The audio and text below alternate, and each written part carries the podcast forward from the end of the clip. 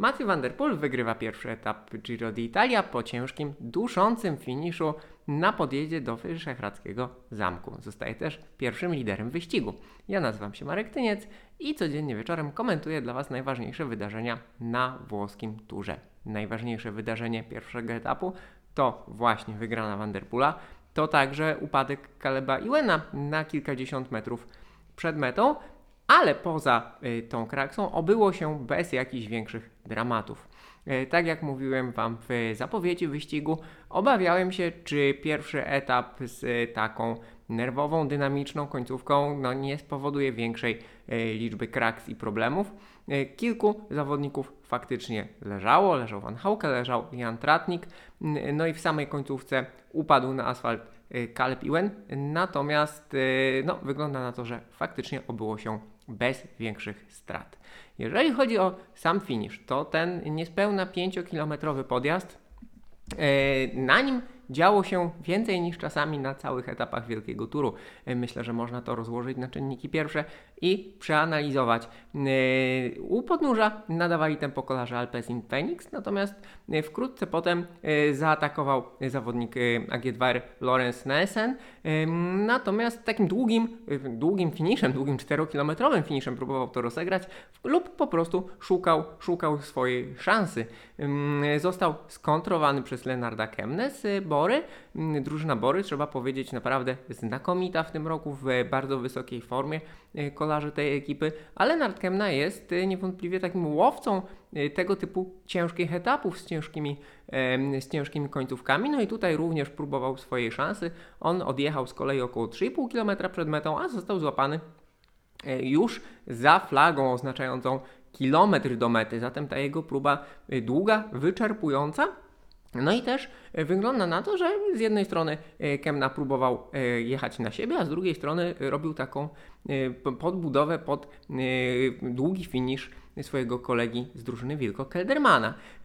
Jeżeli chodzi o sprinterów, no to Mark Cavendish od, jakby od razu zdecydował, że nie będzie tutaj brał udziału w tej rozgrywce, że to jest dla niego zbyt ciężki podjazd. Arnaud Demar z kolei puścił koło, nie wytrzymał bardzo mocnego tempa nadawanego przez kolejne drużyny, ponieważ no, Kemna został skasowany przez szarżujących kolarzy Emiratów. Natomiast bardzo, bardzo wysoko jechał. Caleb Ewan, który, no trzeba pamiętać, że regularnie znakomicie spisuje się podczas Mediolan Sanremo, jest w stanie z najlepszymi klasykowcami, góralami szarżującymi na Poggio przejechać lub stracić zaledwie parę metrów i tutaj niemal do samego końca był w ścisłej czołówce. Z kolei e, Matthew Van Der Poel i Biniam Girmay, e, kolejno zawodnicy pierwszy drugi na mecie, e, nieco w pewnym momencie spłynęli. Trudno powiedzieć, czy była to taktyka głównie Van Der który ewidentnie pilnował Girmaya, czy też po prostu ich tam nieco przytkało. No, jeżeli chodzi o Girmaya, no to jego koledzy z drużyny Intermarché wykonywali znakomitą robotę, nadając tempo, trzymając go blisko czoła peletonu.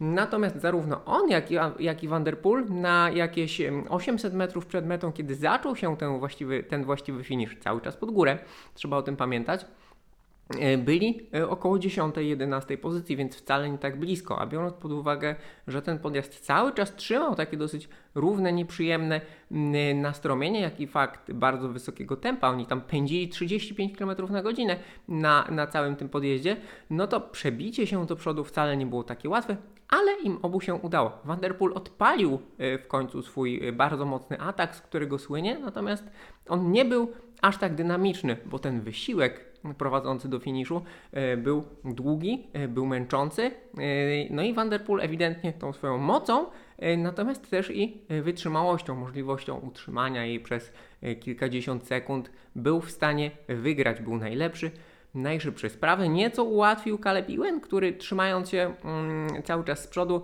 dał się wyprzedzić, a kiedy siadał na koło Girmajowi, liznął koło, czyli dotknął swoim przednim kołem tylnego koła Girmaja, no i upadł na asfalt. Na całe szczęście obyło się bez złamań. Ten jego upadek był troszkę podobny do tego e, nie tak dawno na Tour de France, gdzie no, Caleb gruchnął na asfalt, natomiast przy dużo większej prędkości tutaj na szczęście to było pod górę. No i bardzo obolały, ale doszedł do mety, no i komunikat medyczny ekipy mówi, że jest tylko potłuczony i podrapany. Jeżeli chodzi z kolei o zawodników, którzy liczą się w klasyfikacji generalnej, to tutaj też dość ciekawa sytuacja, ponieważ istotne jest to, że nikt co do zasady nie stracił. Natomiast widać e, zawodników, którzy z jednej strony mają predyspozycję do, takiej, do takich finiszy, no a z drugiej e, same predyspozycje nie wystarczą, trzeba być w bardzo wysokiej formie. No i tutaj tę bardzo najwyższą formę póki co i największą dynamikę, pewien rodzaj świeżości zaprezentowali wspomniany Kelderman, e, Pejo Bilbao, który był trzeci w ogóle na mecie mm, oraz, oraz Richard Carapaz. Carapaz no, niewątpliwie również dobrze spisujący się w wyścigach klasycznych, o czym świadczy jego mistrzostwo olimpijskie. Yy, no i tak to mniej więcej wygląda. Natomiast jeżeli chodzi o Vanderpoola, to jestem yy, poniekąd ciekaw waszego zdania, yy, no bo Vanderpool tutaj celował, celował w to w to zwycięstwo ze względu na charakterystykę tego etapu, celował również w koszulkę lidera Giro d'Italia w Maglia Rosa. To jest y, jeden z, z rekordów. E, Vanderpool dołącza do grona kolarzy, nie tak, licz, nie, nie tak, licznego, do grona kolarzy, którzy wygrywali etapy w wielkich turach w Giro i Tour de France i zdobywali koszulki liderów w swoim debiucie. E, ponieważ no, jego kariera w wielkich turach jest tak naprawdę e, bardzo niewielka.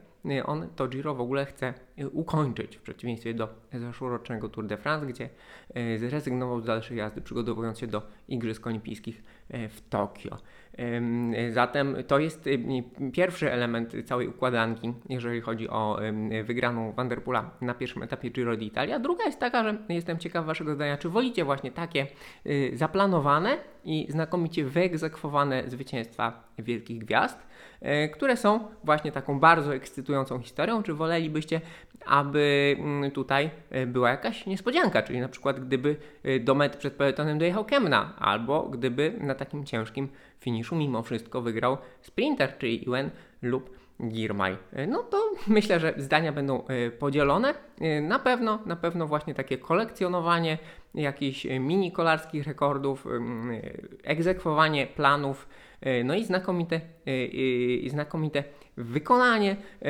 To, co zrobił dzisiaj Vanderpool, jest bardzo, bardzo ekscytujące, chociaż no, warto, warto to podkreślić. Wszystko, co był w stanie zrobić na mecie z radości, to kiwnąć głową, tak było to męczące. Kiwał głową też Girmay. Nie byli w stanie podnieść ręki, padli, padli na metę, yy, padli na ziemię za linią mety. No i jeżeli chodzi o, jeżeli chodzi o dane, no to Vanderpoola należy nieustająco e, tutaj hołubić za fakt, że wszystkie swoje dokonania wrzuca na strawę. E, no i ten finish naprawdę bardzo, bardzo mocny. Maksymalna moc z minuty na finiszu 720 W, 9,6 W na kilogram. E, ko kosmiczne wartości, bardzo wysokie, biorąc pod uwagę, no, że jednak etap miał e, ponad 205 e, km. Tam maksimum, na maksimum, maksimum na finiszu to w ogóle było 1120 W. To ostatnie, najmocniejsze pociągnięcie Matthew Vanderpoola. No i moi drodzy, to by było na tyle. Jutro jest czasówka, co jest y, o tyle ciekawe, że y, Vanderpool no, jest zawodnikiem, który krótką czasówkę, a ta czasówka trzeba powiedzieć faktycznie nie będzie zbyt długa, 9 km. Vanderpool jest zawodnikiem, który jest w stanie dobrze pojechać tego typu próbę, natomiast jest pytanie, czy będzie w stanie, mm, czy będzie w stanie obronić się e, choćby przed e, Wilko Keldermanem, który na czas potrafi jeździć bardzo dobrze. No i z tych wszystkich e, rywali jest najwyżej, choć należy pamiętać, że Vanderpool ma zgromadzone 10 sekund bonifikaty nad resztą stawki. Także moi drodzy, to by było na tyle. Nagrywałem to po raz drugi, ponieważ z niewiadomych powodów za pierwszym razem nagrało się bez dźwięku, no ale cóż, takie życie. E, dzięki wielkie, do zobaczenia, do usłyszenia.